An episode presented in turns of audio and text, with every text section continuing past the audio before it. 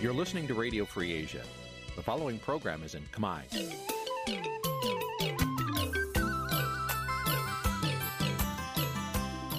នេះជាកម្មវិធីផ្សាយ Vuthu Azizi Serai នេះជាកម្មវិធីផ្សាយរបស់ Vuthu Azizi Serai ជាភាសាខ្មែរ Vuthu Azizi Serai សូមស្វាគមន៍លោកអ្នកនាងទាំងអស់ពីរដ្ឋធានី Washington នៃសហរដ្ឋអាមេរិក ពីរដ្ឋធានីវ៉ាស៊ីនតោនខ្ញុំបាទសេកបណ្ឌិតសូមជម្រាបសួរអស់លោកអ្នកនាងកញ្ញាទាំងអស់ជាទីមេត្រី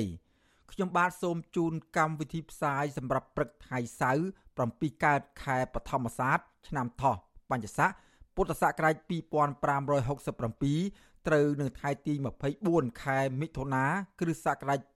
2023បាទជាដំបូងនេះសូមអញ្ជើញអស់លោកអ្នកនាងស្ដាប់ព័ត៌មានប្រចាំថ្ងៃដែលមានមេត្តាដូចតទៅ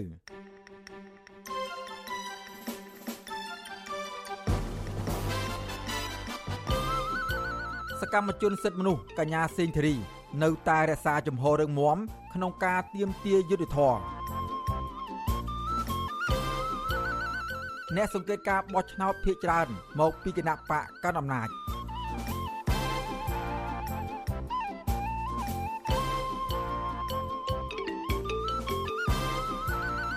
កោចបរដ្ឋបិទសិទ្ធិសេរីភាពអ្នកសារព័ត៌មានក្នុងមណ្ឌលបោះឆ្នោត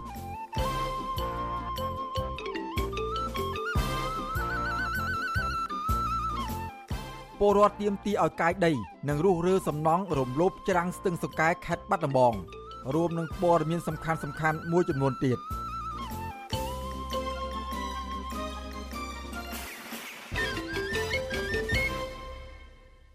ជាបន្តទៅទៀតនេះខ្ញុំបាទសេកបណ្ឌិតសូមជូនព័ត៌មានពិស្ដាបាទលោកអ្នកនាងកញ្ញាជាទីមេត្រីសកម្មជនសិទ្ធិមនុស្សកញ្ញាសេងធារី រក្សាជំហររឹងមាំក្នុងការទៀមទីឲ្យតុលាការផ្ដល់យុត្តិធម៌ប៉ុន្តែកញ្ញាមិនលើកដៃសុំទោសលោកហ៊ុនសែនដើម្បីជាធ្នូនឹងការដោះលែងនោះទេមន្ត្រីសិទ្ធិមនុស្សស្នើដល់រដ្ឋាភិបាលឲ្យស្ដារបញ្ហាប្រជាធិបតេយ្យនិងការគោរពសិទ្ធិមនុស្សឡើងវិញដោយផ្ដើមចេញពីការដោះលែងកញ្ញាសេងធារី និងសកម្មជនផ្សេងផ្សេងទៀតដើម្បីផលប្រយោជន៍ជាតិបាទពីរដ្ឋធានីវ៉ាស៊ីនតោនលោកយ៉ងច័ន្ទរារាយការណ៍ព័ត៌មាននេះ មន្ត្រីសិទ្ធិមនុស្សរួមទាំងក្រុមមេធាវីការពារមកពីសមាគមអាតហុកនិងមជ្ឈមណ្ឌលសិទ្ធិមនុស្សកម្ពុជា បានចូលសួរសុខទុក្ខនិងពិភាក្សាផ្លូវច្បាប់ជាមួយនឹងសកម្មជនសិទ្ធិមនុស្សគឺកញ្ញាសេងធីរីដែលកំពុងជាប់ឃុំនៅក្នុងពន្ធនាគារខេត្តព្រះវិហារនៅថ្ងៃទី22ខែមិថុនាការជជែកនេះដែរកញ្ញាសេងធីរីនៅតែទាមទារឲ្យតុលាការវិនិច្ឆ័យទៅលើសំណុំរឿងនេះដោយយុត្តិធម៌ដោយសារតែសកម្មភាពកន្លងមក គឺជាការតស៊ូមតិស្របតាមច្បាប់ឆ្លៀតនៅក្នុងឱកាសនោះដែរកញ្ញាក៏បានផ្ដាំផ្ញើក្តីនឹករលឹកហើយកោតសរសើរចំពោះក្រមស្ត្រីថ្ងៃសុខក្រមគឧតកោ Nagawal និងអ្នកទោសមនសិការទាំងអស់ដែលកំពុងតស៊ូពុះពៀដើម្បីការគោរពសិទ្ធិមនុស្សនិងលទ្ធិប្រជាធិបតេយ្យនៅកម្ពុជាផងដែរប្រធានសមាគមការពារសិទ្ធិមនុស្សអាត6លោកនីសុខាប្រាប់វិទ្យុអាស៊ីសេរីថាស្ថានភាពសុខភាពនិងស្មារតីរបស់កញ្ញាសេងធីរី នៅតែរឹងមាំដូចពេលមុនដដែលនៅក្នុងការស្វែងរកយុត្តិធម៌តាមប្រព័ន្ធតុលាការបើទោះបីជាកញ្ញាមិនសូវមានជំនឿទៅលើស្ថាប័ននេះយ៉ាងណាក្តីលោកបន្តថាកញ្ញាសេងធីរីនៅតែរក្សាជំហរមើងម៉ាត់ដោយមិនសុំទោសរដ្ឋាភិបាលលោកហ៊ុនសែនដើម្បីបដូរនឹងសេរីភាពនោះទេពីព្រោះកញ្ញាគ្មានទោសអ្វីឡើយទន្ទឹមគ្នានេះលោកថាកញ្ញាបានស្នើដល់តុលាការនៅពេលបើកសវនាការនៅពេលខាងមុខគឺត្រូវមានវត្តមានរបស់កញ្ញានៅគ្រប់ដំណើរការនីតិវិធី ពីព្រោះកញ្ញាត្រូវការឆ្លើយតបទៅនឹងការសួរដេញដោលនៅមុខតុលាការនិងបង្ហាញភាពស្អាតស្អំចំពោះមុខសាធារណជនទូទៅ។ស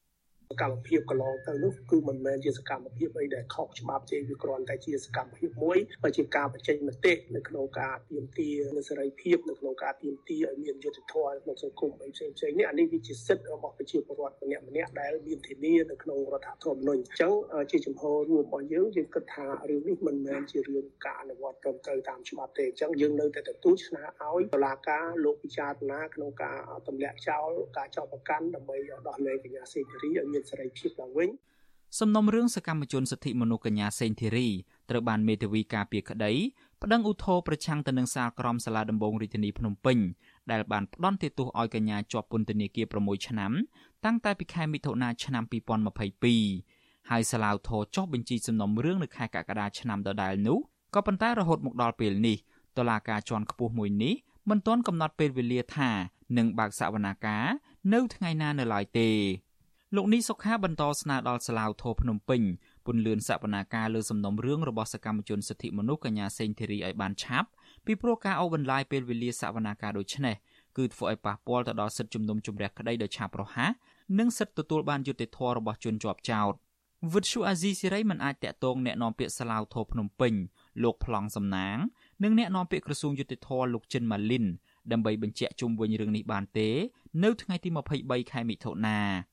កាលពីពេលថ្មីថ្មីនេះលោកនាយករដ្ឋមន្ត្រីហ៊ុនសែនបានខឹងសម្បានឹងប្រទេសប្រជាធិបតេយ្យធំធំអន្តរាគមឲ្យលោកដោះលែងកញ្ញាសេងធីរីឲ្យមានសេរីភាពឡើងវិញក្រៅពីប្រើពាក្យអសុរោះដោយហៅអ្នកជំនាញច្បាប់និងកិច្ចការអន្តរជាតិកញ្ញាសេងធីរី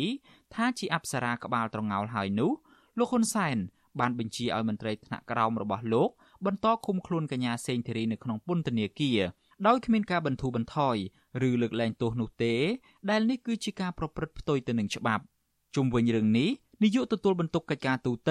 នៃអង្គការសិទ្ធិមនុស្សលីកាដូលោកអំសំអាត មានប្រសាសន៍ថា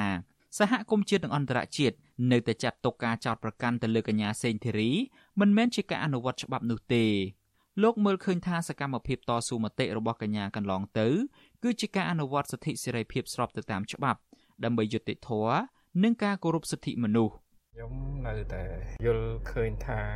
បញ្ហាចម្រូងចម្រាសនៃបញ្ហាសិទ្ធិមនុស្សនៅកម្ពុជា គឺនៅតែបន្តការរិះគន់ពីសហគមន៍អន្តរជាតិហើយករណីកញ្ញាសេនធរីនេះទៀតសោតក៏បន្ថែមនៃការរិះគន់បន្ថែមទៀតទាក់ទងនឹងបញ្ហាសិទ្ធិមនុស្សនៅកម្ពុជាសមត្ថកិច្ចក្រុងភ្នំពេញបានចាប់ខ្លួនកញ្ញាសេងធីរីកាលពីថ្ងៃទី14ខែមិថុនាឆ្នាំ2022នៅខាងមុខតុលាការក្រុងភ្នំពេញក្រោយតុលាការប្រកាសសាលក្រមកាត់ទោសឲ្យកញ្ញាជាប់ពន្ធនាគារ6ឆ្នាំពីបទចោទរួមគំនិតក្បត់នៅក្នុងសំណុំរឿងវិលចូលស្រុករបស់លោកសំរងស៊ីកាលពីឆ្នាំ2019មួយថ្ងៃបន្ទាប់មកតុលាការបានបញ្ជូនកញ្ញាទៅឃុំខ្លួននៅពន្ធនាគារខេត្តព្រះវិហាររហូតមកទល់នឹងពេលបច្ចុប្បន្ននេះដែលសហគមន៍អន្តរជាតិចាត់ទុកថាជារឿងនយោបាយ សហគមន៍ជាតិនិងអន្តរជាតិថ្កោលទោសអាញាធររដ្ឋាភិបាលលោកហ៊ុនសែននិងអំពាវនាវឲ្យទម្លាក់ចោលរដ្ឋបတ်ចោតប្រកាន់ទៅលើកញ្ញាសេងធីរីនិងសមាជិកគណៈបកប្រឆាំងផ្សេងទៀតហើយដោះលែងពួកគាត់ឲ្យមានសេរីភាពឡើងវិញដោយឥតលក្ខខណ្ឌខ្ញុំយ៉ងច័ន្ទដារាវិទ្យុអាស៊ីសេរី Washington បាទលោកនាងកញ្ញាជាទីមេត្រីពាក់ព័ន្ធនឹងខូបគិតកម្មដែលមានរយៈពេល7ឆ្នាំមកហើយលើបណ្ឌិតកែមលីនេះវិញមជ្ឈមណ្ឌលសិទ្ធិមនុស្សកម្ពុជា នឹងប្រារព្ធពិធីរំលឹកខួប7ឆ្នាំនៃគិតកម្មលើលោកបណ្ឌិតកែមលីតាមរយៈសកម្មភាពផ្សេងៗគ្នាចំនួន5ដើម្បីបង្ហាញពីការដឹងគុណការនឹករលឹកនិងការទៀមទារោគយុទ្ធធរសម្រាប់ជនរងគ្រោះបាទសូមស្ដាប់សេចក្តីរាយការណ៍របស់លោកជាតិចំណានពីរដ្ឋធានី Washington អំពីរឿងនេះមជ្ឈមណ្ឌលសិទ្ធិមនុស្សកម្ពុជាហៅកាត់ថា CCHO ក្រុងនឹងរៀបចំរំលឹកខួប7ឆ្នាំនៃមរណភាពបណ្ឌិតកែមលីតាមរយៈសកម្មភាព5ផ្សេងផ្សេងគ្នា ដើម្បីលើកកម្ពស់ស្មារតីប្រជាពលរដ្ឋនិងយុវជនដើម្បីយកគំរូភាពនៃការលះបង់របស់បណ្ឌិតកែមលីក្នុងការលើកកម្ពស់សេរីភាពបញ្ចេញមតិនិងលទ្ធិប្រជាធិបតេយ្យសកម្មភាពដែលមជ្ឈមណ្ឌលសិទ្ធិមនុស្សក្រុងធ្វើទាំងនោះរួមមាន1ការប្រកួតប្រជែងនិពន្ធឬតែងកំណាព្យដែលបង្ហាញពីការនឹករលឹកទៅដល់វីរភាពបណ្ឌិតកែមលីចាប់ពីថ្ងៃទី16ខែមិថុនាដល់ថ្ងៃទី1ខែកក្កដាទី2ការដាក់តាំងរូបបណ្ឌិតកែមលីនៅលើ profile Facebook របស់ CCHO ពេញមួយខែកក្កដា ទី3ការបង្ហាញសម្រងសម្ដីបណ្ឌិតកែមលីចាប់ពីថ្ងៃទី3ដល់ថ្ងៃទី9ខែកក្កដានៅលើ Facebook page CCHR ទី4ការរៀបចំពិធីបាំងស្កូលឧទ្ទិសកុសលដល់វិញ្ញាណក្ខន្ធបណ្ឌិតកែមលីនៅថ្ងៃទី6ខែមិថុនានិងសកម្មភាពចុងក្រោយគេគឺការបង្ហោះខ្សែវីដេអូខ្លីដែលមានចំណងជើងថាពាក្យពិតនិងកម្មវិធីពិភាក្សាអំពីការនឹករលឹកដល់បណ្ឌិតកែមលីតាមវិទ្យុជុំវិញរឿងនេះនាយកផ្នែកតស៊ូមតិនៃមជ្ឈមណ្ឌលសិទ្ធិមនុស្សកម្ពុជាលោកសួនយុទ្ធជា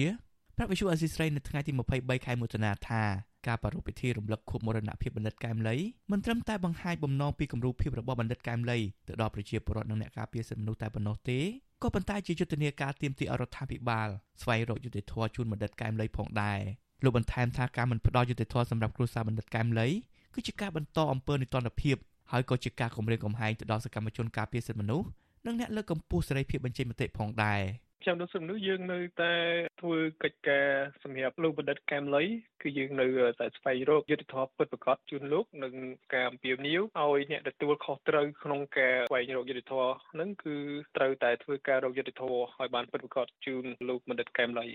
យើងចង់បានមូលហេតុពិតដែលលោកកែមលីត្រូវបានគិតកោបាញ់សម្លាប់អ្នកស្រាវជ្រាវអភិវឌ្ឍសង្គមនិងជាអ្នកវិភាគនយោបាយដ៏មានប្រជាប្រិយភាពបណ្ឌិតកែមលីត្រូវបានខ្មាន់កំភ្លើង បាញ់សម្លាប់នៅព្រឹកថ្ងៃទី10ខែកក្កដាឆ្នាំ2016នៅក្នុង Star Mart ក្នុងស្ថានីយ៍ប្រេងឥន្ធនៈការតិចក្នុងរាជធានីភ្នំពេញការបាញ់ប្រហារនោះកើតឡើងក្រោយពីអ្នកវិភាគរូបនេះបានផ្ដល់អត្ថាធិប្បាយដល់បណ្ដាញព័ត៌មានអំពីការកាន់កាប់ទ្រព្យសម្បត្តិដ៏ច្រើនសន្ធឹកសន្ធាប់របស់ក្រុមគ្រួសារលោកនាយករដ្ឋមន្ត្រីហ៊ុនសែនដែលបានលាតត្រដាងក្នុងរបាយការណ៍អង្គការឃ្លាំមើលពិភពលោក Global Witness សំណុំរឿងគិតកម្មដ៏កក្រើកនេះតុលាការបានផ្តន្ទាទោសបរិសម្នាក់ឈ្មោះអឺតអាងដែលហៅខ្លួនឯងថាជួបសម្លាប់ ឲ្យជាប់ពន្ធនាគារអស់មួយជីវិតផ្អែកតាមចម្លើយសារភាពរបស់រូបនេះដែលថាគាត់ជាអ្នកបាញ់សម្លាប់បណ្ឌិតកែមលីដោយសារតែលោកបណ្ឌិតមិនព្រមសងប្រាក់ជំពាក់ចំនួន3000ដុល្លារប៉ុន្តែក្រុមគ្រួសារបណ្ឌិតកែមលីនិងសូម្បីតែក្រុមគ្រួសាររបស់លោកអឺតអាងក៏មិនជឿថាវាជាការពិតនោះទេព្រោះលោកអឺតអាងគឺជាមនុស្សក្រីក្ររស់នៅតំបន់ដាច់ស្រយាលក្នុងខេត្តសៀមរាបមិនដែលស្គាល់គ្នានិងគ្មានលុយឯណាទៅឲ្យលោកបណ្ឌិតកែមលីខ្ចីនោះទេ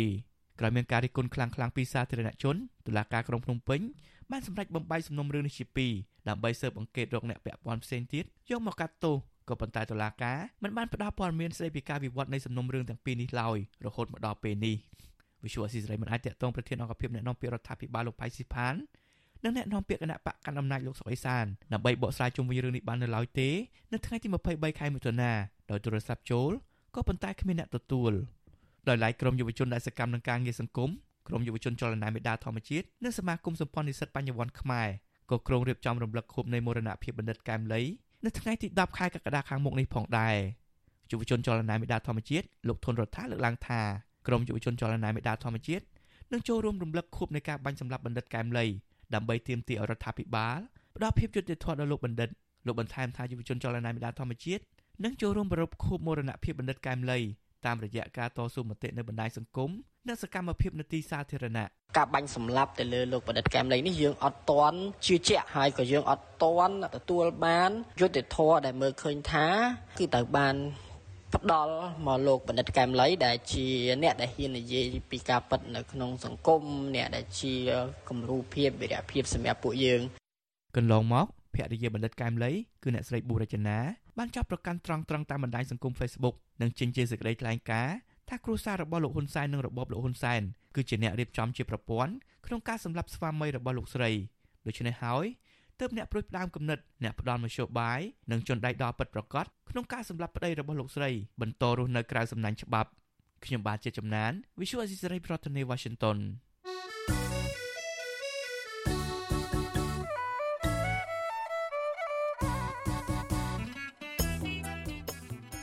បាទលោកនាងកញ្ញាជាទីមេត្រីក្រៅពីការតាមដានស្ដាប់ការផ្សាយរបស់វិទ្យុអស៊ីសេរីតាមបណ្ដាញសង្គម Facebook YouTube Telegram លោកអ្នកនាងក៏អាចតាមដានស្ដាប់ការផ្សាយរបស់យើងខ្ញុំតាមរយៈបណ្ដាញសង្គម Instagram របស់វិទ្យុអស៊ីសេរីតាមរយៈតំណភ្ជាប់ www.instagram.com/rfa ខ្មែរ វិទ្យុអសីស្រីបន្តខិតខំផ្សព្វផ្សាយព័ត៌មានពិតទៅកាន់បងប្អូនតាមរយៈបណ្ដាញសង្គមផ្សេងផ្សេងនិងសម្បូរបែបដើម្បីលោកនាងងាយស្រួលតាមដានការផ្សាយរបស់វិទ្យុអសីស្រីគ្រប់ពេលវេលា និងគ្រប់ទីកន្លែង តាមរយៈទូរស័ព្ទរបស់អស់លោកនាង បាទសូមអរគុណ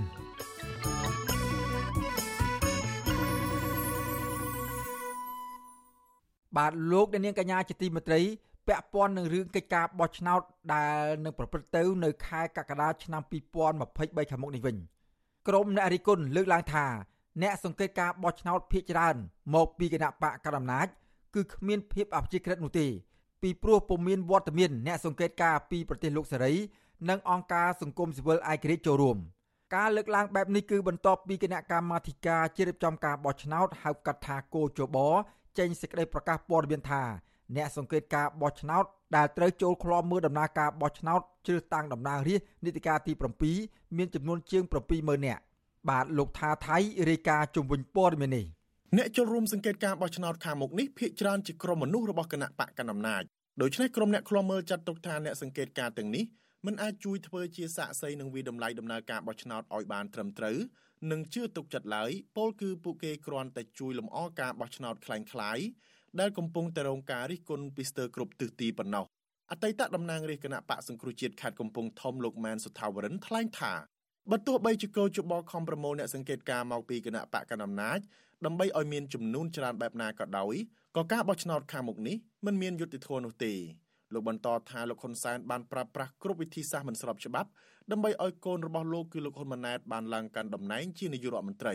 ទី2បើគេអត់ពេញចិត្តទេគេនឹងគូសចោលមើលទៅឃើញហើយបែបមើលទៅសិលិខោតមានតែពីរទេឬក៏គណៈបកប្រជាជនកម្ពុជាឬគូខ្វែងគូខ្វែងចោលខ្ញុំអត់គាត់ពងបារម្ភមែនទែនគាត់នឹងសន្លត់គេស្រួលដៃឲ្យទៅបោះឆ្នោតដើម្បីបង្ហាញឲ្យមហាជននិងអន្តរជាតិមើលឃើញថាណាប្រជាពលរដ្ឋទៅបោះឆ្នោតច្រើនណាស់ឯណាណាថាមានប្រមាណ17 18គណៈបកមកចូលរួមហើយជាប្រជាធិបតេយ្យសេរីពុបអាយអានេះគឺកុហកសុទ្ធសាធគឺកុហកគឺថារបៀបទីយើងហាមិនថាគុំនេះថាជាប្រទេសឯកាដូចកូរ៉េខាងជើងចឹងបាទជាមួយគ្នានេះអ្នកវិភាគនយោបាយលោកកឹមសុខមានប្រសាសន៍ថា ចំនួនមនុស្សចូលរួមសង្កេតការណ៍នេះគឺគ្រាន់តែជាទិន្នន័យបន្លំភ្នែកប្រជាពលរដ្ឋតែប៉ុណ្ណោះពីព្រោះមនុស្សដែលចូលរួមទាំងអស់នោះគឺជាក្រុមមនុស្សរបស់លោកហ៊ុនសែនលោកបន្តថាការបំភាន់បែបនេះមិនអាចលុបលាងទង្វើអាក្រក់និងធ្វើឲ្យសហគមន៍អន្តរជាតិទុកចិត្តលើលោកហ៊ុនសែននោះឡើយ។ អាក្រក់ធំបំផុតទី1ការបោះឆ្នោតដែល ប្រព្រឹត្តទៅ នៅថ្ងៃទី23កក្កដា2023គេដឹងថាជាល្បិចកល ក្នុងការរៀបចំផ្ទៃអំណាចពីហ៊ុនសែនទៅហ៊ុនម៉ាណែតមិនមែនជាការប្រកួតប្រជែងបោះឆ្នោតត្រឹមត្រូវទី2ការបោះឆ្នោតនេះទាំងរដ្ឋាភិបាលដែលកើតក្រោយការបោះឆ្នោតទាំងសភាផងក៏នឹងរងទណ្ឌកម្មពីសហគមន៍អន្តរជាតិសេរីប្រជាធិបតេយ្យដែលជាដៃគូអភិវឌ្ឍដ៏សំខាន់សម្រាប់កម្ពុជា ប្រតិកម្មបែបនេះគឺបន្ទាប់ពីគណៈកម្មាធិការជាតិរៀបចំការបោះឆ្នោតហៅកាត់ថាកើជបបានចេញសេចក្តីប្រកាសព័ត៌មាននៅថ្ងៃទី22មិថុនាទទួលស្គាល់ជាផ្លូវការថាអ្នកសង្កេតការបោះឆ្នោតដែលត្រូវខ្លំមើលដំណើរការបោះឆ្នោតជ្រើសតាំងតំណាងរាស្ត្រនីតិកាលទី7មានចំនួនជាង70000នាក់ដែលមកពី65អង្គការសមាគមក្នុងចំណោមអង្គការសមាគមទាំង65នេះមានតែសហភាពសហព័ន្ធយុវជនកម្ពុជាហៅកាត់ថាសសយកដែលគ្រប់គ្រងដោយលោកហ៊ុនម៉ាណី ជាកូនប្រុសរបស់លោកហ៊ុនសែននិងជាតំណាងរាជគណៈបកប្រជាជនកម្ពុជាខេត្តកំពង់ស្ពឺដែលបានដាក់ពង្រាយអ្នកសង្កេតការច្រើនជាងគេគឺចំនួនជិត40000នាក់បន្ទាប់មកគឺសមាគមនារីកម្ពុជាដើម្បីសន្តិភាពនិងអភិវឌ្ឍដែលដឹកនាំដោយអនុប្រធានគណៈបកប្រជាជនកម្ពុជាគឺអ្នកស្រីម៉ែនសំអននិងដែលមានសមាជិកសុទ្ធតែជាប្រពន្ធកូនរបស់មន្ត្រីគណៈបកកណ្ដាលអំណាចបានដាក់អ្នកសង្កេតការជាង25000នាក់ក្រៅពីនេះ គឺមានសមាគមសហព័ន្ធនិស្សិតបញ្ញវន្តប្រជាធិបតេយ្យកម្ពុជាដែលបានដាក់អ្នកសង្កេតការជាង2000នាក់ព្រមទាំងមានអង្គការសមាគមជាច្រើនទៀតគឺមានអ្នកគ្រប់គ្រងជាសមាជិកគណៈបកប្រជាជនកម្ពុជានិងខ្លះទៀតគ្រប់គ្រងដោយយុវជនរបស់លោកហ៊ុនម៉ាណីតែម្ដងស្ថាប័នដែលដាក់អ្នកសង្កេតការទាំងនេះគ្មានជំនាញរឿងបោះឆ្នោតទេព្រោះសមាគមទាំងអស់នេះធ្វើការពាក់ព័ន្ធទៅនឹងជនពិការស្ត្រីយុវជនកុមារបរិស្ថាន សុខភាពថ្នាំពេទ្យនិងពាក់ព័ន្ធការអភិវឌ្ឍរួមទាំងសន្តិភាពជាដើមសម្រាប់ភ្ញៀវពិសេសវិញក៏ជបប្រកាសថាមានតែ3នាក់ប៉ុណ្ណោះគឺពីរនាក់មកពីសមាគមកុមារជ័យនៅប្រទេសបារាំងនិងម្នាក់ទៀតមកពីសាកលវិទ្យាល័យនៅប្រទេសជប៉ុនក្រៅពីនេះគឺមានតែអង្គការមួយដែលមានឯកទេសខាងការបោះឆ្នោតនិងធ្លាប់ចូលរួមសង្កេតការបោះឆ្នោតជាច្រើនអាណត្តិរួចមកហើយនោះ គឺគណៈកម្មាធិការដើម្បីការបោះឆ្នោតដោយសេរីនិងយុត្តិធម៌នៅកម្ពុជាហៅកាត់ថា Confrel បានដាក់អ្នកសង្កេតការបោះឆ្នោតជាង4000នាក់ដោយឡែកអង្គការឃ្លាំមើលការបោះឆ្នោតឯករាជ្យមួយចំនួនទៀតរួមទាំងក្រមប្រទេសប្រជាធិបតេយ្យលោកខាងលិចដូចជាសហរដ្ឋអាមេរិកនិងសហភាពអឺរ៉ុបប្រទេសជប៉ុនជាដើមបានប្រកាសមិនបញ្ជូនអ្នកសង្កេតការរបស់ខ្លួនមកឃ្លាំមើលការបោះឆ្នោតនៅកម្ពុជានោះទេដោយសារតែបរិយាកាសនយោបាយមិនល្អជុំវិញបញ្ហានេះ នាយកប្រតិបត្តិអង្គការឃ្លាំមើលការបោះឆ្នោតនៅកម្ពុជាហៅកាត់ថា Netflix លោកសំគុណធាមី មានប្រសាសន៍ថាលោកគ្មានជំនឿថាការបោះឆ្នោតខាងមុខនេះប្រព្រឹត្តទៅដោយសេរីនិងយុត្តិធម៌ពីព្រោះគ្រប់សមាជិកដែលចូលរួមសង្កេតការទាំងអស់ភាគច្រើនជាសមាជិកមកពីគណៈបកប្រជាជនកម្ពុជាលោកបន្តថាការបោះឆ្នោតខាងមុខនេះគឺគ្មានភាពស្របច្បាប់រួចទៅហើយដោយសារតែសហគមន៍អន្តរជាតិមិនបានចូលរួមឃ្លាំមើល សូមឲ្យអ្នកវិទ្យាការទាំងអស់ខ្ញុំចង់សម្ដៅទៅលើអ្នកវិទ្យាការជាតិឬអន្តរជាតិសមាគមទាំងអស់តាមក្រុមយុវជនអ្នកវិទ្យាការជាតិនេះសូមអនុវត្តដំណើរ ការសង្កេតការឲ្យមានភាពអព្យាក្រឹតនិងឯករាជ្យកុំលំអៀងព្រួយយើងសមាគមអង្គការមិនមែនរដ្ឋាភិបាលជាតិអន្តរជាតិយើងតំណាងឲ្យប្រជាពលរដ្ឋអ្នកបោះឆ្នោតតំណាងឲ្យប្រជាធិបតេយ្យដំណើរការបោះឆ្នោតហ្នឹងហើយយើងរក្សាភាពត្រឹមត្រូវដែលសង្កេតឃើញយ៉ាងម៉េចភាពមិនប្រក្រតីឬយ៉ាងម៉េចយើងនិយាយតាមនឹងឬអ្នកខ្លំមើលយល់ថាគណៈបកកណ្ដាលអំណាចបានព្យាយាមប្រមូលនិងបង្កើតអង្គការសមាគមនានាដើម្បីចូលរួមសង្កេតការបោះឆ្នោតនីតិកាលទី7នេះឲ្យបានច្រើន ព្រោះដើម្បីជួយលម្អការបោះឆ្នោតបង្ក្រប់កិច្ចនិងចូលរួមគ្នាចេញសេចក្តីថ្លែងការណ៍គាំទ្រការបោះឆ្នោតនោះដើម្បីទប់ទល់នឹងការរិះគន់និងការដាក់សម្ពាធនានាពីសហគមន៍ជាតិនិងអន្តរជាតិខ្ញុំថាថៃពីទីក្រុងមែលប៊នបាទលោកនាងកញ្ញាជាទីមេត្រីពាក់ព័ន្ធនឹងព្រឹត្តិការណ៍បោះឆ្នោតជាតិនេះដែរមកទល់នឹងពេលនេះគឺនៅសល់តែរយៈពេល29ថ្ងៃទៀតទេ ការបោះឆ្នោតជាតិនឹងចូលមកដល់ហើយបាទពេលចូលទៅគូសសញ្ញាឆ្នោត គ្មាននរណាម្នាក់ដឹងថាលោកនាងបោះឆ្នោតឲ្យគណៈបកណានោះឡើយម្យ៉ាងវិញទៀតការបោះឆ្នោតគឺជាសិទ្ធិក្នុងការសម្រេចចិត្តរបស់អស់លោកនាងតែម្នាក់គត់គ្មានជនណាឬអាជ្ញាធរណា អាចមកបង្ខិតបង្ខំលោកនាងបាននោះទេ បាទសូមអរគុណ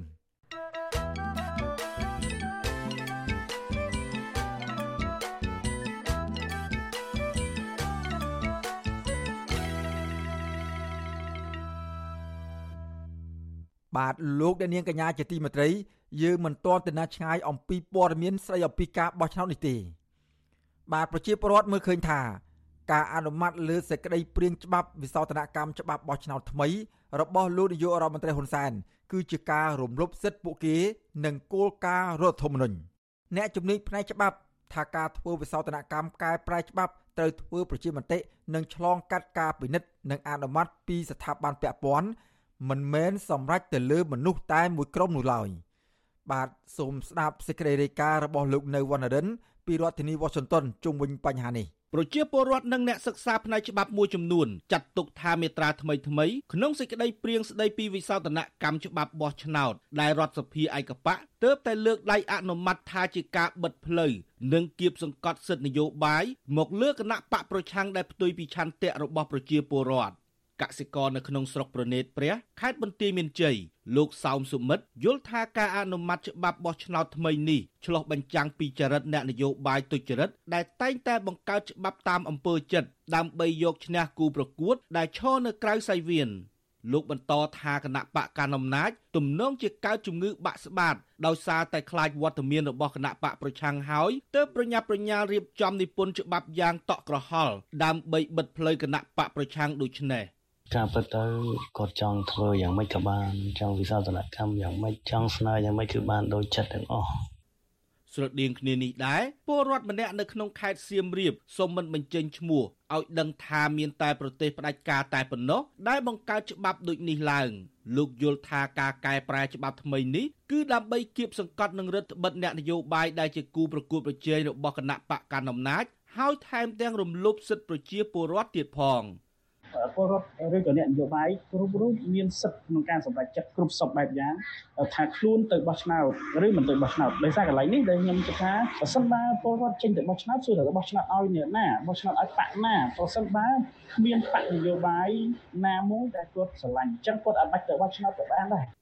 រដ្ឋសភាឯកបកបានកោះប្រជុំទាំងខុសកាលយ៉ាងតក់ក្រហល់នៅថ្ងៃទី23មិថុនាដែលមានសមាជិកសភា111រូបរបស់គណៈបកប្រជាជនកម្ពុជា បានលើកដៃបោះឆ្នោតអនុម័តសេចក្តីព្រៀងច្បាប់បោះឆ្នោតថ្មីនេះមុនបញ្ជូនទៅព្រឹទ្ធសភា និងក្រុមប្រឹក្សារដ្ឋធម្មនុញ្ញដើម្បីអនុម័តបន្តទៀត ពលរដ្ឋដែលរស់នៅក្នុងខេត្តបៃលិនលោកហុលសៅលើកឡើងថាលោកហាក់គ្មានការភ្ញាក់ផ្អើលអ្វីនោះទេ ចំពោះការអនុម័តច្បាប់ដែលសមាជិករដ្ឋសភាឯកបៈចាំតែលើកដៃគាំទ្រតាមទំនឹងចិត្តរបស់លោកហ៊ុនសែនដោយមិនបានពិចារណាពីភាពប្រក្រតីនោះឡើយ លោកលើកឡើងថែមទៀតថាលោកចាត់ទុកច្បាប់បោះឆ្នោតថ្មីនេះជានីតិមាត់ចាប់តាំងពីពេលដែលលោកនាយករដ្ឋមន្ត្រីហ៊ុនសែនបានលើកពីបំណងរបស់លោកក្នុងការធ្វើវិសោធនកម្មនេះមកម្លេះដោយរងចាំតែរដ្ឋសភាឯកបៈរបស់លោកលើកដៃបង្ក្រប់កិច្ចតែប៉ុណ្ណោះ ខ្ញុំឃើញថាការដែលធ្វើឲ្យមានការបង្កើតច្បាប់ថ្មីនេះច្បាប់ហ្នឹងគឺសម្រាប់តែបន្សាបឥទ្ធិពលរបស់គណៈបកប្រឆាំងមើលតែគណៈបកនយោបាយណាដែលមានសម្លេងការគ្រប់គ្រងរបស់ជាប្រវត្តិកម្មច្រើន គឺលោកហ៊ុនសែនបង្កើតច្បាប់ដើម្បីទៅបំបត្តិឬក៏បង្ក្រាបសម្លេងអ្នកគ្រប់គ្រងឬក៏តំណាងឈួរឈ្មោះឲ្យគណៈបកនយោបាយណាមួយដែលប្រជាប្រដ្ឋពេញចិត្តតែម្ដងបាទ និស្សិតផ្នែកច្បាប់លោកលីច័ន្ទដារវុធលើកឡើងថាការអនុម័តច្បាប់របស់រដ្ឋសភានៅពេលនេះមានភាពតក់ក្រហល់ខុសប្លែកពីការអនុម័តច្បាប់ផ្សេងផ្សេងបំរើឲ្យផលប្រយោជន៍សាធារណៈដែលត្រូវចំណាយពេលរាប់សិបឆ្នាំជាមួយគ្នានេះលោកមើលឃើញថាមេត្រានៅក្នុងច្បាប់ថ្មីនេះនៅមានភាពស្រពិចស្រពិលដោយមិនបានបញ្ជាក់ថាតើបុគ្គលដែលមិនបានទៅបោះឆ្នោតនឹងត្រូវបាត់បង់សិទ្ធិឈរឈ្មោះបោះឆ្នោតអស់មួយជីវិតឬយ៉ាងណា ចឹងខ្ញុំយល់ថាការតាក់តែងច្បាប់បែបនេះវានឹងមិនតំណាងឲ្យផលប្រយោជន៍ប្រជាពលរដ្ឋទេហើយខ្ញុំយល់ថាយើងមិនគួរណាកែប្រែច្បាប់បោះឆ្នោតនៅគៀកថ្ងៃបោះឆ្នោតចឹងទេព្រោះថាវាមិនដែលកីឡាបដាល់ណាដល់មកដាល់ហើយទៅថាមកកែច្បាប់ថាដាល់របៀបម៉េចនោះខ្ញុំយល់ថាហ្នឹងវាប៉ះពាល់ទៅដល់ការប្រកួតគ្នាទៅដោយស្មារតីដែរ ជុំវិញរឿងនេះដែរប្រធានក្រុមអ្នកច្បាប់អមរិនលោកមេធាវីសុកសំអឿនមានប្រសាសន៍ថាដើម្បីឲ្យច្បាប់មានភាពល្អប្រសើរតលយៈភាពក្នុងការដាក់ឲ្យប្រើប្រាស់លុះត្រាតែសេចក្តីព្រៀងច្បាប់នោះបានឆ្លងកាត់ការប្រមូលមតិយោបល់ពីស្ថាប័នពាក់ព័ន្ធនិងឆ្លុះបញ្ចាំងពីឆន្ទៈរបស់ប្រជាពលរដ្ឋ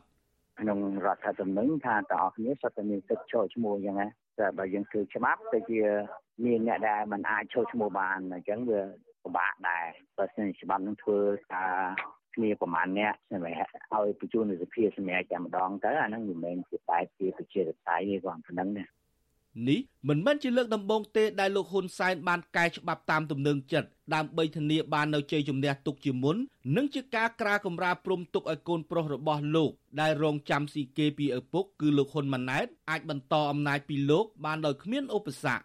ការកែប្រែច្បាប់ដែលលោកហ៊ុនសែនធ្លាប់ធ្វើកន្លងមក មានដូចជាការកែប្រែច្បាប់សញ្ជាតិតែមួយសម្រាប់បេក្ខជនឈរឈ្មោះជានាយករដ្ឋមន្ត្រីច្បាប់ជ្រើសតាំងនាយករដ្ឋមន្ត្រីថ្មី នៅពេលដែលនាយករដ្ឋមន្ត្រីក្នុងតួនាទីអវត្តមាន ដោយមិនបានឆ្លងរដ្ឋសភា និងច្បាប់បោះឆ្នោតដែលដកហូតសិទ្ធិអ្នកនយោបាយដែលមិនបានចូលរួមការបោះឆ្នោតនេះជាដើម។ ប្រជាពលរដ្ឋលើកឡើងថាច្បាប់បោះឆ្នោតដែលចេញពីការលើកដៃអនុម័តរបស់សភាឯកបៈនេះនឹងកែប្រែការប្រកួតប្រជែងការបោះឆ្នោតទៅជាការសម្ដែងការបោះឆ្នោតតាមបែបបង្ក្រប់កិច្ចហើយបង្កើតបានជារដ្ឋាភិបាលមួយ ដែលមិនឆ្លោះបញ្ចាំងពីការគ្រប់គ្រងរបស់ប្រជាពលរដ្ឋនោះទេខ្ញុំបាទនៅវណ្ណរិន with Chu Azizi Saray ពីរដ្ឋធានី Washington បាទលោកនាងកញ្ញាជាទីមេត្រីពាក់ព័ន្ធនឹងកិច្ចការបោះឆ្នោតនេះដែរ គណៈកម្មាធិការជ្រៀបចំការបោះឆ្នោតហៅកាត់ថាគោចបបានដាក់ចេញនូវគោលការណ៍រដ្ឋបិទលើអ្នកសារព័ត៌មានមុនចូលទៅថតឬយកព័ត៌មាន នៅតាមការិយាល័យបោះឆ្នោតដោយតម្រូវឲ្យពួកគេសុំការអនុញ្ញាតពីប្រធានការិយាល័យបោះឆ្នោតជាមុនសិនអ្នកជំនាញយល់ឃើញថាគោចបមិនគួរបង្កបញ្ហាស្មុគស្មាញដល់អ្នកសារព័ត៌មានឡើយព្រោះវាធ្វើឲ្យប៉ះពាល់បន្ថែមទៀតលើការអនុវត្តសេរីភាពសារព័ត៌មាននៅកម្ពុជា។ បាទលោកយ៉ងច័ន្ទរាមានសេចក្តីរាយការណ៍ដាច់ដោយឡែកមួយទៀតជុំវិញព័ត៌មាននេះមន្ត្រីសិទ្ធិមនុស្សរួមទាំងក្រុមមេធាវីការពារមកពីសមាគមអាតហុកនិងមជ្ឈមណ្ឌលសិទ្ធិមនុស្សកម្ពុជា បានចូលសួរសុខទុក្ខនិងពិភាក្សាផ្លូវច្បាប់ជាមួយនឹងសកម្មជនសិទ្ធិមនុស្សគឺកញ្ញាសេងធីរីដែលកំពុងជាប់ឃុំនៅក្នុងពន្ធនាគារខេត្តព្រះវិហារនៅថ្ងៃទី22ខែមិថុនាការជជែកនេះដែរកញ្ញាសេងធីរី នៅតែទាមទារឲ្យតុលាការវិនិច្ឆ័យទៅលើសំណុំរឿងនេះដោយយុត្តិធម៌ដោយសារតែសកម្មភាពកន្លងមកគឺជាការតស៊ូមតិស្របតាមច្បាប់ឆ្លៀតនៅក្នុងឱកាសនោះដែរកញ្ញាក៏បានផ្ដាំផ្ញើក្តីនឹករលឹកហើយកោតសរសើរចំពោះក្រមស្ត្រីថ្ងៃសុកក្រមកោតក្រ Nagawal និងអ្នកទោសមនសិការទាំងអស់ដែលកំពុងតស៊ូពុះពៀដើម្បីការគោរពសិទ្ធិមនុស្សនិងលទ្ធិប្រជាធិបតេយ្យនៅកម្ពុជាផងដែរប្រធានសមាគមការពារសិទ្ធិមនុស្សអាត6លោកនីសុខា ប្រាប់វិទ្យុអាស៊ីសេរីថាស្ថានភាពសុខភាពនិងស្មារតីរបស់កញ្ញាសេងធីរី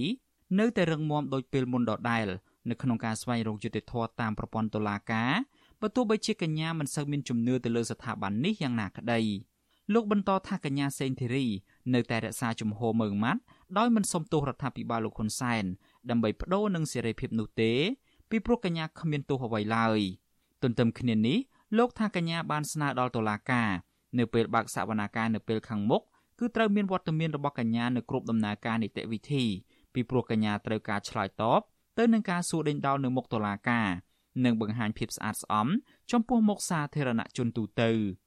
សកម្មភាពកន្លងទៅនោះគឺមិនមែនជាសកម្មភាពអីដែលខុសច្បាប់ទេវាគ្រាន់តែជាសកម្មភាពមួយជាការបញ្ចេញមតិនៅក្នុងការទាមទារនូវសេរីភាពនៅក្នុងការទាមទារឲ្យមានយុត្តិធម៌ក្នុងសង្គមអីផ្សេងផ្សេងនេះអានេះវាជាសិទ្ធិរបស់ប្រជាពលរដ្ឋម្នាក់ម្នាក់ដែលមានធានានៅក្នុងរដ្ឋធម្មនុញ្ញអញ្ចឹងជាចំហរួមរបស់យើងយើងគិតថារឿងនេះមិនមែនជារឿងការអនុវត្តត្រឹមត្រូវតាមច្បាប់ទេអញ្ចឹងយើងនៅតែទទួលស្នើឲ្យតុលាការលោកពិចារណាក្នុងការទម្លាក់ចោលការចោទប្រកាន់ដើម្បីដោះលែងកញ្ញាសេងធារីឲ្យមានសេរីភាពឡើងវិញសំណុំរឿងសកម្មជនសិទ្ធិមនុស្សកញ្ញាសេងធីរីត្រូវបានមេធាវីការពារក្តីប្តឹងឧទ្ធរប្រឆាំងទៅនឹងសាលក្រមសាលាដំបងរាជធានីភ្នំពេញដែលបានផ្ដន់ទោសឲ្យកញ្ញាជាប់ពន្ធនាគារ6ឆ្នាំតាំងតែពីខែមិថុនាឆ្នាំ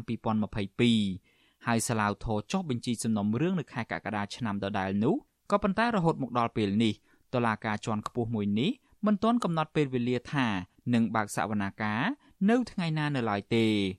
លោកនេះសុខាបន្តស្នើដល់សាលាឧទ្ធរភ្នំពេញពន្លឿនសកម្មភាពលើសំណុំរឿងរបស់សកម្មជនសិទ្ធិមនុស្សកញ្ញាសេងធីរីឲ្យបានឆាប់ពីព្រោះការអូបន្លាយពេលវេលាសកម្មភាពដូចនេះគឺធ្វើឲ្យប៉ះពាល់ទៅដល់សិទ្ធិជំនុំជម្រះក្តីដោយឆាប់រហ័សនិងសិទ្ធិទទួលបានយុត្តិធម៌របស់ជនជាប់ចោទ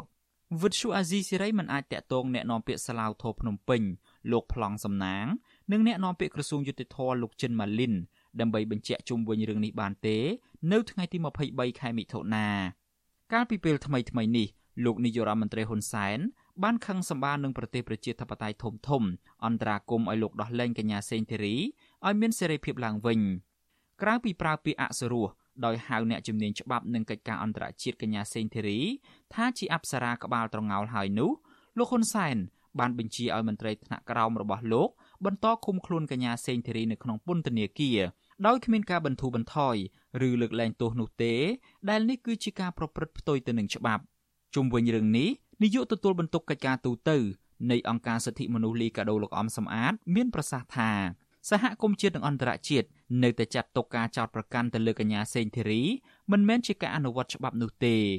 លោកមើលឃើញថាសកម្មភាពតស៊ូមតិរបស់កញ្ញាកន្លងទៅ គឺជាការអនុវត្តសិទ្ធិសេរីភាពស្របទៅតាមច្បាប់ ដើម្បីយុត្តិធម៌និងការគោរពសិទ្ធិមនុស្ស ខ្ញុំនៅតែយល់ឃើញថាបញ្ហាចម្រូងចម្រាសនៃបញ្ហាសិទ្ធិមនុស្សនៅកម្ពុជា គឺនៅតែបន្តការរិះគន់ពីសហគមន៍អន្តរជាតិហើយករណីកញ្ញាសេនធរីនេះទៀតសោតក៏បន្ថែមនៃការរិះគន់បន្ថែមទៀតទាក់ទងនឹងបញ្ហាសិទ្ធិមនុស្សនៅកម្ពុជាសមត្ថកិច្ចក្រុងភ្នំពេញបានចាប់ខ្លួនកញ្ញាសេងធីរី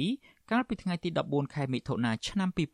2022នៅខាងមុខតុលាការក្រុងភ្នំពេញក្រោយតុលាការប្រកាសសាលក្រមកាត់ទោសឲ្យកញ្ញាជាប់ពន្ធនាគារ6ឆ្នាំពីបទចោទរួមគំនិតក្បត់នៅក្នុងសំណុំរឿងវិលចូលស្រុករបស់លោកសំរងស៊ីកាលពីឆ្នាំ2019មួយថ្ងៃបន្ទាប់មកតុលាការបានបញ្ជូនកញ្ញាទៅឃុំខ្លួននៅពន្ធនាគារខេត្តព្រះវិហាររហូតមកទល់នឹងពេលបច្ចុប្បន្ននេះដែលសហគមន៍អន្តរជាតិចាត់ទុកថាជារឿងនយោបាយ សហគមន៍ជាតិនិងអន្តរជាតិថ្កោលទោសអាញាធររដ្ឋាភិបាលលោកហ៊ុនសែននិងអំពាវនាវឲ្យទម្លាក់ចោលរដ្ឋបတ်ចោតប្រកាន់ទៅលើកញ្ញាសេងធីរីនិងសមាជិកគណៈបកប្រឆាំងផ្សេងទៀតហើយដោះលែងពួកគាត់ឲ្យមានសេរីភាពឡើងវិញដោយឥតលក្ខខណ្ឌខ្ញុំយ៉ងច័ន្ទដារាវិទ្យុអាស៊ីសេរី Washington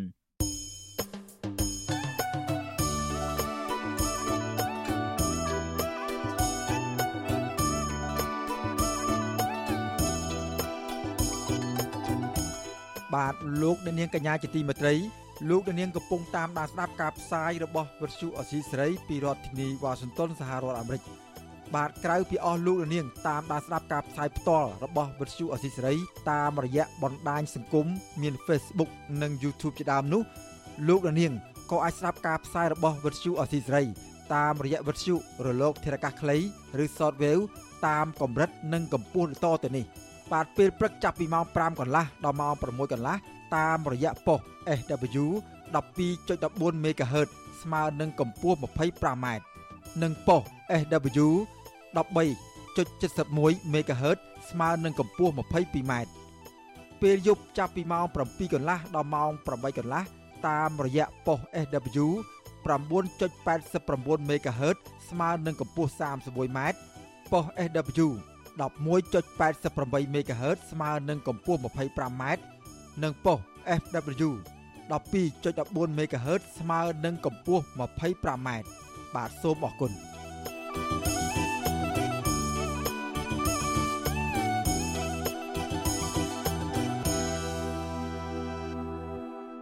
បាទលោកនាងកញ្ញាជាទីមេត្រីពាក់ព័ន្ធនឹងព័ត៌មានស្ដីអំពីការសាងសង់រំលោភលើដីសាធារណៈរបស់រដ្ឋវិញ បាទស្ទឹងសង្កែដែលកវីនិពន្ធខ្មែរប្រសិទ្ធនាមថា ជាទឹកខ្មៅជ្រលក់សរសេរមិនចេះអស់នោះនឹងរំលេចនៅបទចម្រៀងចំនួនដើម បែបមโนសចេតនាពីរោះរំដំចិត្តបានคล้ายទៅជាប្រធានបទរសើបមួយ ដែលពលរដ្ឋនិងក្រមយុវជន ប្រតិកម្មនិងទង្វើរបស់អាជ្ញាធរខេត្តបាត់ដំបងថាអសមត្ថភាពក្នុងការថែទាំភូកទ្របធម្មជាតិនិងកេរមរតកដូនតាស្របតាមរដ្ឋធម្មនុញ្ញ ប្រតិកម្មនេះធ្វើឡើងក្រោយពីស្ទឹងដ៏ល្បីឈ្មោះមួយនេះទទួលរងការរំលោភបំពានដោយអ្នកមានទ្រព្យសម្បត្តិស្អុកស្ដំចាក់ដីលុបចូលផ្ទៃទឹកនិងសង់សម្បង់អាគារធ្វើជាទ្រព្យបុគ្គលបំពានច្បាប់ បាទពីរដ្ឋធានីវ៉ាស៊ីនតោនលោកទីនសាការីយ៉ាមានសេចក្តីរាយការណ៍អំពីរឿងនេះច្រាំងស្ទឹងសង្កែត្រៃខាងកើតប្រវែងមិនដល់ជាង150ម៉ែត្រនិងទទឹងជម្រៅចូលផ្ទៃទឹកប្រវែង12ម៉ែត្របានคล้ายជារីសត និងអគារផ្ទះលំហែកាយបែបអភិជន ដែលជាកម្មសិទ្ធិឯកជនរបស់អង្គការទុយគីស្និទ្ធនឹងអ្នកកាន់អំណាចនៃគណៈបកប្រជាជនកម្ពុជាមកទល់ពេលនេះតំបន់នោះត្រូវបានកាងការពារដោយមេប៉ូលីសពាក់ផ្កាយមួយលោកមានឡាយស្នងការរងខេត្តបាត់ដំបងនេះបើយោងតាមការស្រាវជ្រាវរបស់ក្រមយុវជនស្រឡាញ់បរិស្ថានច្រាំងស្ទឹងសង្កែដែលអង្គញាទុយគីរំលោភបំពាននោះគឺជាកន្លែងដែលកវីគង់បញ្ឈឿនតែងតែទៅកំសាន្ត និងតាក់តែងបទចម្រៀងបែបមនោសញ្ចេតនាជាច្រើនបទច្រៀងដោយលោកស៊ិនស៊ីសមុទ្រកាលពីអំឡុងទសវត្សរ៍ឆ្នាំ1560តំបន់នោះស្ថិតនៅក្នុងភូមិបោះពោឃុំអូដំបង1ស្រុកសង្កែក្បែរវត្តតាមុំឆ្ងាយពីទីរួមខេត្តបាត់ដំបងជាង10គីឡូម៉ែត្រមើលស្ទឹងសង្កែមើលខ្សែទឹកហូររុកខាងវត្តពោ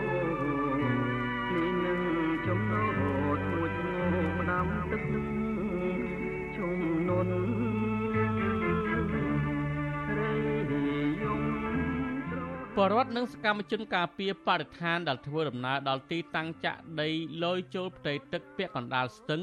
ព្រួយបារម្ភពីផលប៉ះពាល់បរិស្ថាននិងជីវៈចម្រុះនៅគ្រាដែលទឹកជំនន់អាចនឹងបណ្ដាលឲ្យបាក់ច្រាំងប៉ះពាល់ដល់ផ្ទះសម្បែងប្រជាពលរដ្ឋជាច្រើនខ្នង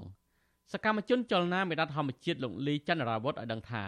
អាញាធរខេត្តបាត់ដំបងបានបកស្រាយរឿងនេះដោយមិនបានទាញយកហេតុផលច្បាប់នោះឡើយផ្ទុយទៅវិញ ព្យាយាមការពារអ្នកមានលុយមានអំណាចរំលោភបំពានដីចំណីស្ទឹងខុសច្បាប់ លោកឆ្ងល់ថា នៅគ្រាដល់សំណង់រីសតសង់ដីចំណីមាត់ស្ទឹងលយចូលផ្ទៃទឹកតើទឹកលូបង្គន់កខ្វក់នឹងហូរទៅណាតើវិធានការគ្រប់គ្រងសម្រាមបែបណា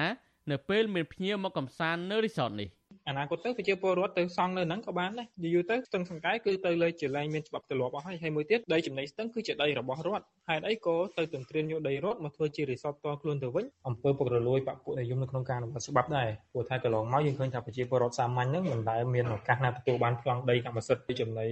ស្ទឹងថ្មីថ្មីនេះក្រុមយុវជនបានបង្ហោះរូបភាពលើអាកាសដែលថតដោយប្រើឧបករណ៍ដ្រូនដើម្បីបង្ហាញភស្តុតាងជាក់ស្ដែងពីទស្សនវិជ្ជាសំណង់រីសត ដែលសង់លយចូលជ្រៅស្ទឹងសង្កែ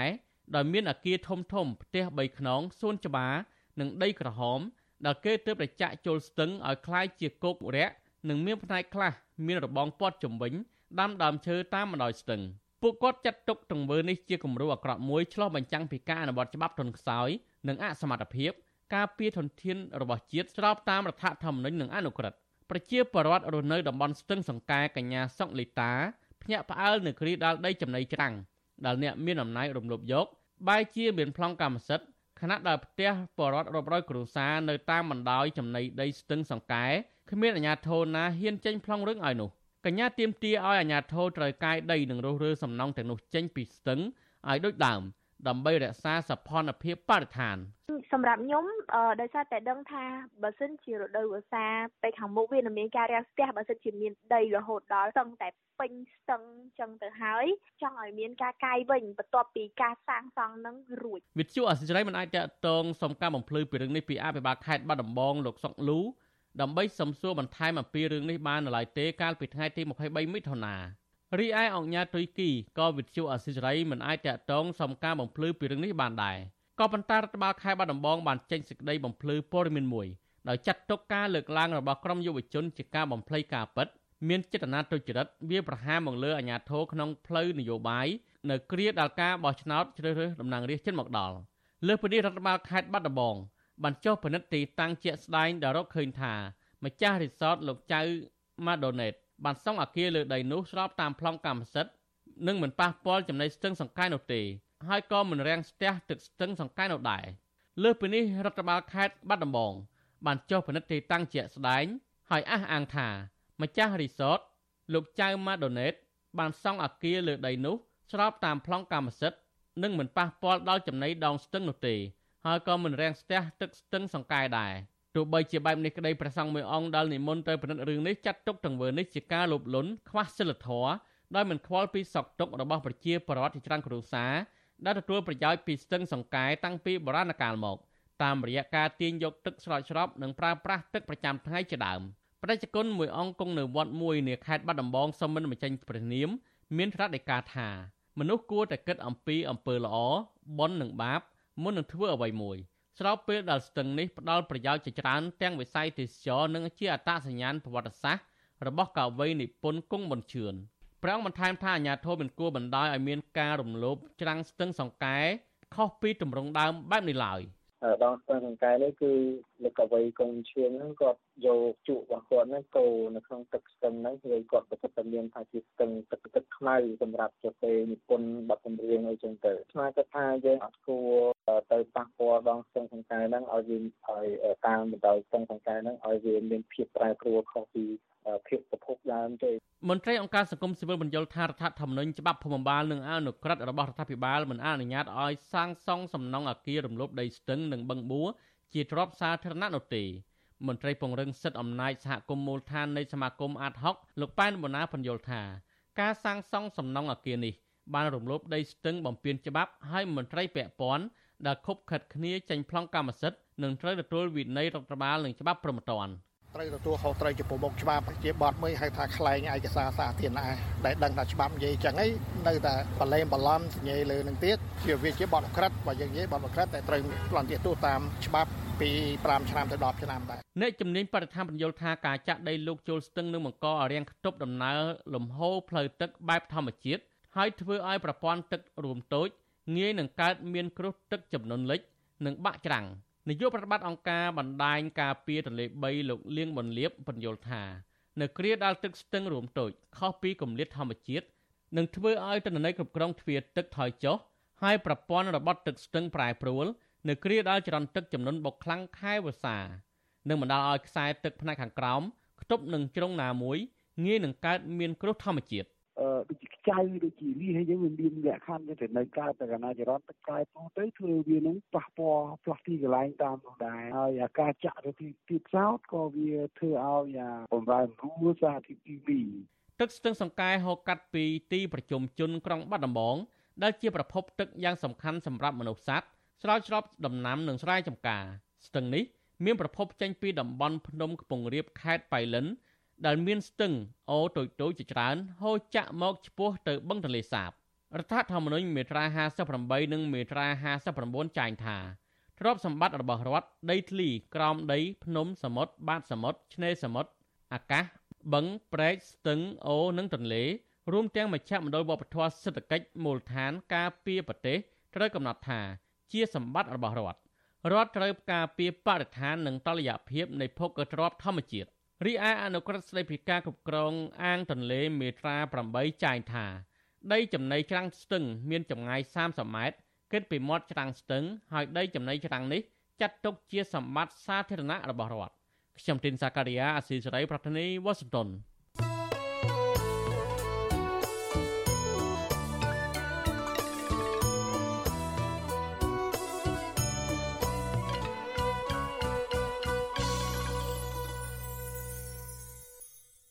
បាទលោកអ្នកនាងកញ្ញាជាទីមេត្រីនៅឯខេត្តព្រះវិហារឯនោះវិញសិស្សនៅសាលាក្នុងតំបន់ដាច់ស្រយាលមួយនៅក្នុងឃុំយាង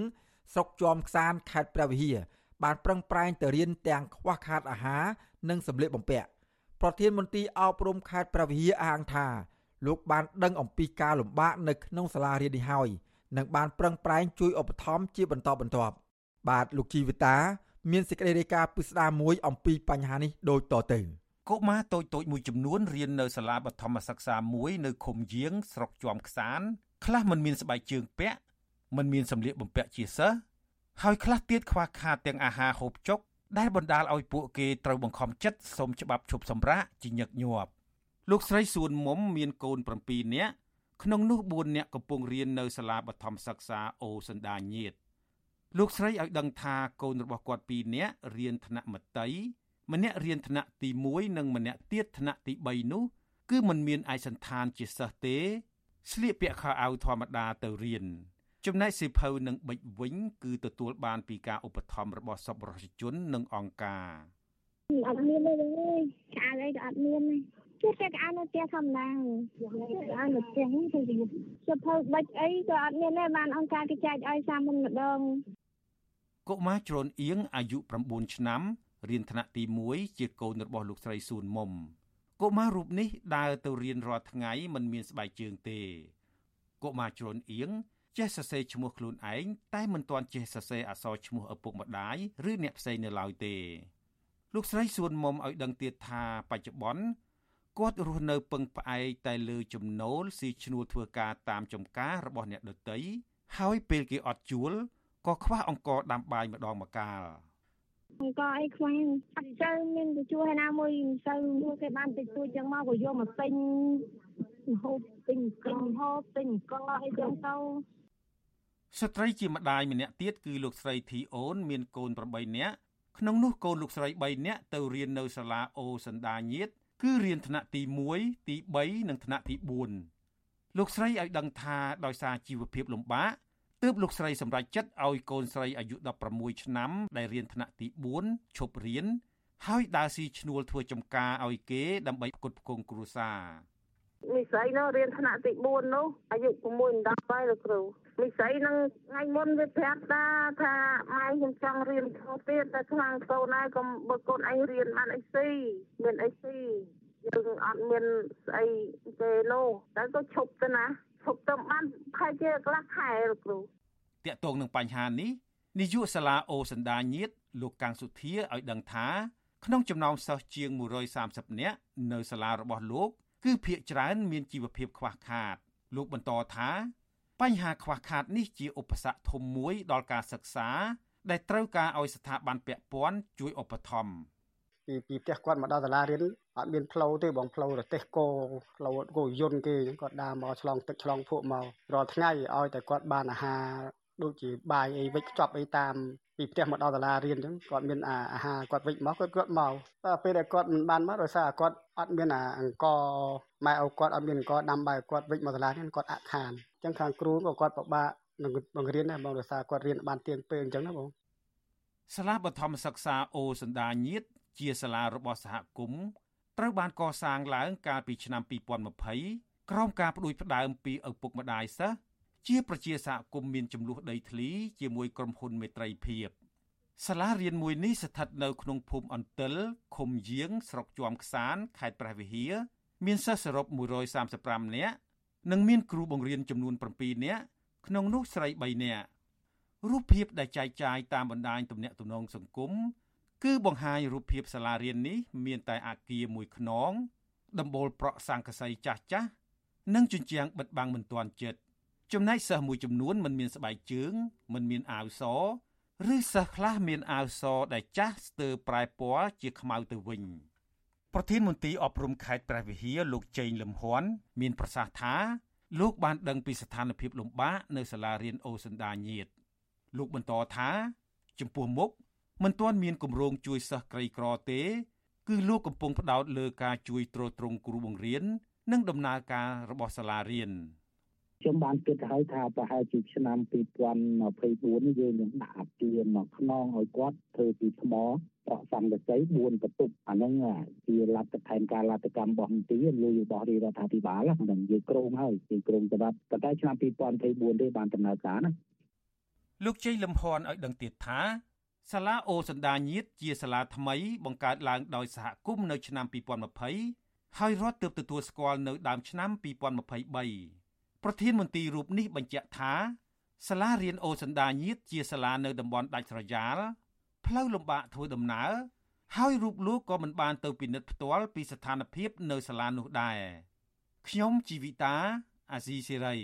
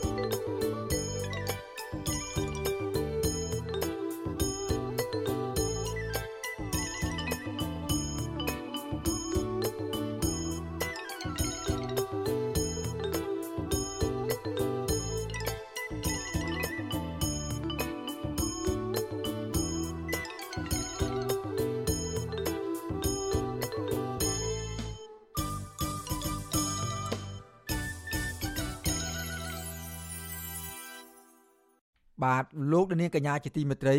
ជាបន្តទៅទៀតនេះយើងមកតាមដានមើលការដាំដុះទុរេនខ្មែរនៅក្នុងស្រុកសំឡូតខេត្តបាត់ដំបងវិញម្ដង បាទទុរេនខ្មែរដែលមានភាពល្បីល្បាញដោយសាររសជាតិផ្អែមឆ្ងាញ់និងការដាំដុះដោយធម្មជាតិកំពុងពង្រីកខ្លួនទៅទីផ្សារក្នុងស្រុកនិងក្រៅស្រុក ស្របពេលដែលប្រជាពលរដ្ឋចាប់ផ្ដើមងាកមកគាំទ្រផលិតផលកសិកម្មខ្មែរ។ មន្ត្រីសង្គមស៊ីវិលជំរុញឲ្យកសិករបង្កើនការដាំដុះឯអាញាធរត្រូវសម្របសម្រួលដល់ការនាំចេញទៅក្រៅប្រទេស ដើម្បីពង្រីកទីផ្សារឲ្យកសិករខ្មែរបាទពីរដ្ឋធានីវ៉ាស៊ីនតោនអ្នកស្រីស្ងួនអមរា មានសេចក្តីរាយការណ៍ពិស្ដារអំពីរឿងនេះដូចតទៅស្ថិតនៅចម្ងាយប្រមាណ70គីឡូម៉ែត្រពីក្រុងបាត់ដំបងតាមបណ្ដោយផ្លូវក្រាលកៅស៊ូនៃទឹកដីស្រុកសំឡូតដែលជាតំបន់ព័ទ្ធនៅដោយជួរភ្នំសម្បូរភ្លៀងធ្លាក់និងមានទេសភាពស្រស់ខៀវខ្ចីប្រជាពលរដ្ឋតាំងផ្លែទុរេននិងសាវម៉ាវចម្រុះពណ៌ដែលចងជាចង្កោមលក់នៅតាមចិញ្ចើមផ្លូវជាហូរហែក្នុងតំបន់ដែលប្រជាពលរដ្ឋដាំទុរេនលក់ដើម្បីដោះស្រាយជីវភាពកសិករនៅស្រុកសំឡូតបង្ហាញទឹកមុខរីករាយព្រោះទិន្នផលនិងទីផ្សារទុរេននៅឆ្នាំនេះហាក់រស់ឡើងវិញបន្ទាប់ពីរងផលប៉ះពាល់ដោយសារតម្លៃធ្លាក់ចុះបណ្ដាលមកពីការនាំចូលទុរេនពីក្រៅប្រទេសច្រើនលើសលប់កាលពីឆ្នាំមុនកសិករដាំទុរេននៅឃុំសំឡូតចាស់ស្រុកសំឡូតលោកទុយសុខឿនប្រាប់វិទ្យុអាស៊ីសេរីថាទុរេនដែលដាំនៅស្រុកសំឡូតមានរសជាតិផ្អែមក្រអូបឆ្ងាញ់តាមបែបធម្មជាតិខុសពីទុរេននៅលើទីផ្សារដែលនាំចូលមកពីប្រទេសជិតខាងលោកបន្តថាការប្រមូលផលទុរេនឆ្នាំនេះទទួលបានទិន្នផលខ្ពស់និងមានតម្លៃល្អជាងឆ្នាំមុនដោយសារប្រជាពលរដ្ឋខ្មែរភាគច្រើន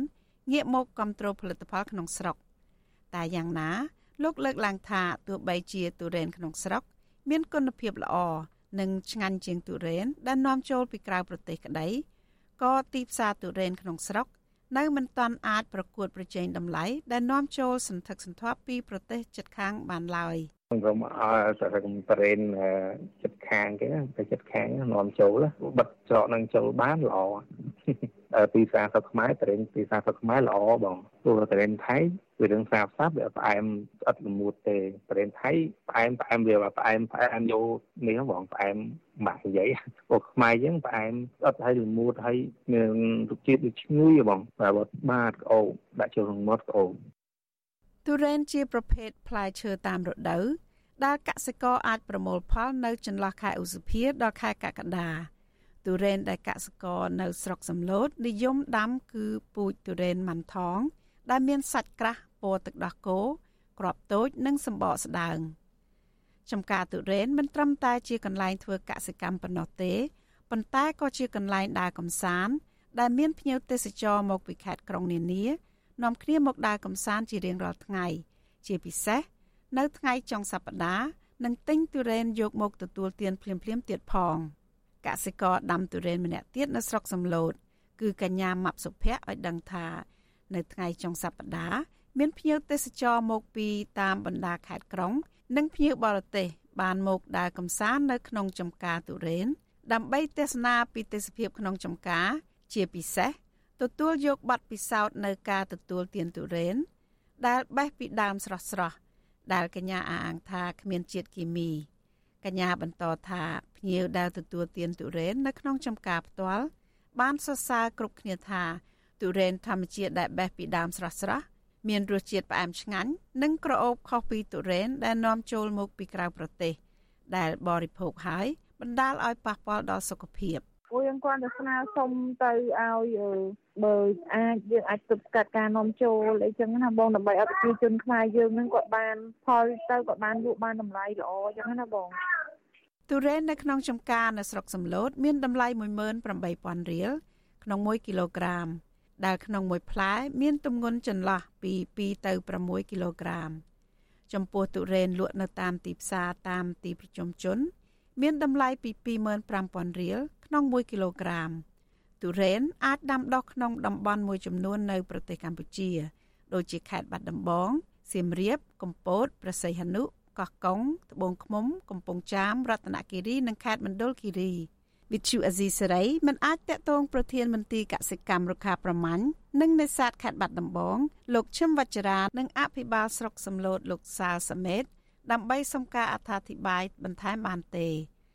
អ្នកសម្របសម្រួលផ្នែកខ្លំមើលការរំលោភសិទ្ធិមនុស្សនៃអង្គការលីកាដូប្រចាំនៅខេត្តបាត់ដំបងលោកអិនគង្ជិតលើកទឹកចិត្តដល់ប្រជាពលរដ្ឋឲ្យបង្កើនការដាំដុះដំណាំនេះបន្ថែមទៀតដើម្បីបានចំណូលផ្គត់ផ្គង់ជីវភាព។និងផ្គត់ផ្គង់តម្រូវការអ្នកបរិភោគលោកបន្ថែមថាអាញាធរនិងក្រសួងមន្ទីរពាក់ព័ន្ធក៏ត្រូវជួយស្វាស្វែងរកទីផ្សារជាពិសេសសម្របសម្រួលដល់ការនាំចេញទៅប្រទេសថៃនៅក្បែរនោះ ឲ្យបានច្រើនដើម្បីពង្រីកទីផ្សារទៅក្រៅប្រទេសជាពិសេសសមត្ថកិច្ចច្រក400នៅព្រំដែនខ្មែរថៃយើងហ្នឹងគួរតែបកលក្ខណៈងាយស្រួលដើម្បីឲ្យភ្ញៀវទេសចររបស់ថៃឬក៏ជនជាតិផ្សេងហ្នឹងដែលគាត់ចូលមកទស្សនានៅដីចំការតរេនស្រុកសំឡូតយើងហ្នឹងឲ្យគាត់ចូលមកហើយឲ្យគាត់បានទិញហើយបកលក្ខណៈឲ្យគាត់ងាយស្រួលក្នុងការចេញចូលរបាយការណ៍មន្ទីរកសិកម្មរុក្ខាប្រមាញ់ និងនេសាទខេត្តបាត់ដំបងឆ្នាំ2022ឲ្យដឹងថាបណ្ដុំអាជីវកម្មដំណាំទុរេនសំឡូតក្នុងស្រុកសំឡូតខេត្តបាត់ដំបង មានចំនួនតែ2បណ្ដុំប៉ុណ្ណោះដែលអាចប្រមូលផលផ្លែទុរេនបានជាង5000តោនស្មើនឹងថវិកាជិត30លានដុល្លារក្នុងមួយឆ្នាំមួយឆ្នាំទោះជាយ៉ាងណា របាយការណ៍បញ្ជាក់ថាកម្ពុជា ពុំតាន់ទទួលបានការអនុញ្ញាតឲ្យនាំចេញទុរេនទៅកាន់ប្រទេសចិនដោយខ្លួនឯងនៅឡើយដូច្នេះការនាំចេញនេះត្រូវធ្វើឡើងដោយឆ្លងកាត់និងប្រើប្រាស់ម៉ាកសម្គាល់របស់ថៃដោយសារកម្ពុជាមិនតាន់ចរចាបើកផ្លូវនាំចេញទៅប្រទេសចិនខ្លួនឯងនៅឡើយកសិករនៅស្រុកសំឡូតលើកឡើងថាការដាំទុរេនមានហានិភ័យខ្ពស់ចំណាយដើមទុនច្រើន និងការថែទាំខ្ពស់ ហើយប្រសិនបើទុរេនធ្លាក់ថ្លៃនោះកសិករនឹងត្រូវខាតបង់ច្រើន ជាងដំណាំផ្សេងផ្សេងកសិករដាំទុរេននៅស្រុកសំឡូតស្នើអាជ្ញាធរឲ្យទប់ស្កាត់ការនាំចូលទុរេនពីក្រៅប្រទេសលើសកម្រិតដែលធ្វើឲ្យទុរេននៅក្នុងស្រុកធ្លាក់ថ្លៃខ្លាំងជាពិសេសទុរេនដែលនាំចូលមកពីក្រៅមានជាតិគីមី ដែលធ្វើឲ្យប៉ះពាល់ដល់សុខភាពអ្នកទទួលទាននាងខ្ញុំស្ងួនអមរា Vithu Azizi Saray ពីរដ្ឋធានី Washington thank you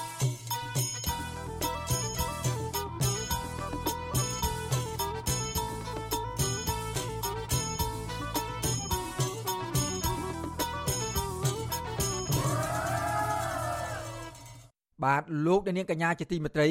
ការផ្សាយរយៈពេល1ម៉ោង របស់វិទ្យុអស៊ីសេរីសម្រាប់ព្រឹកថ្ងៃសៅរ៍នេះបានឈានដល់ទីបញ្ចប់ហើយយើងខ្ញុំសូមជូនពរដល់អស់លោកអ្នកនាងឲ្យជួបប្រកបតែនឹងសេចក្តីសុខចម្រើនរុងរឿងកំបីគ្លៀងគ្លេឡើយនិងសូមថ្លែងអំណរគុណយ៉ាងជ្រាលជ្រៅចំពោះអស់លោកអ្នកនាងដែលនៅតែមានភក្ដីភាពតាមដានស្ដាប់ការផ្សាយរបស់វិទ្យុអស៊ីសេរីតាំងពីដើមរឿងមកនេះ ហើយសូមកុំភ្លេចអស់លោកនាងរងចាំតាមដានស្ដាប់ការផ្សាយផ្ទាល់របស់វិទ្យុអស៊ីសេរី នៅរាត្រីថ្ងៃសៅរ៍នេះបន្តទៀតកុំបីខាន បាទសូមអរគុណនិងសូមជម្រាបលា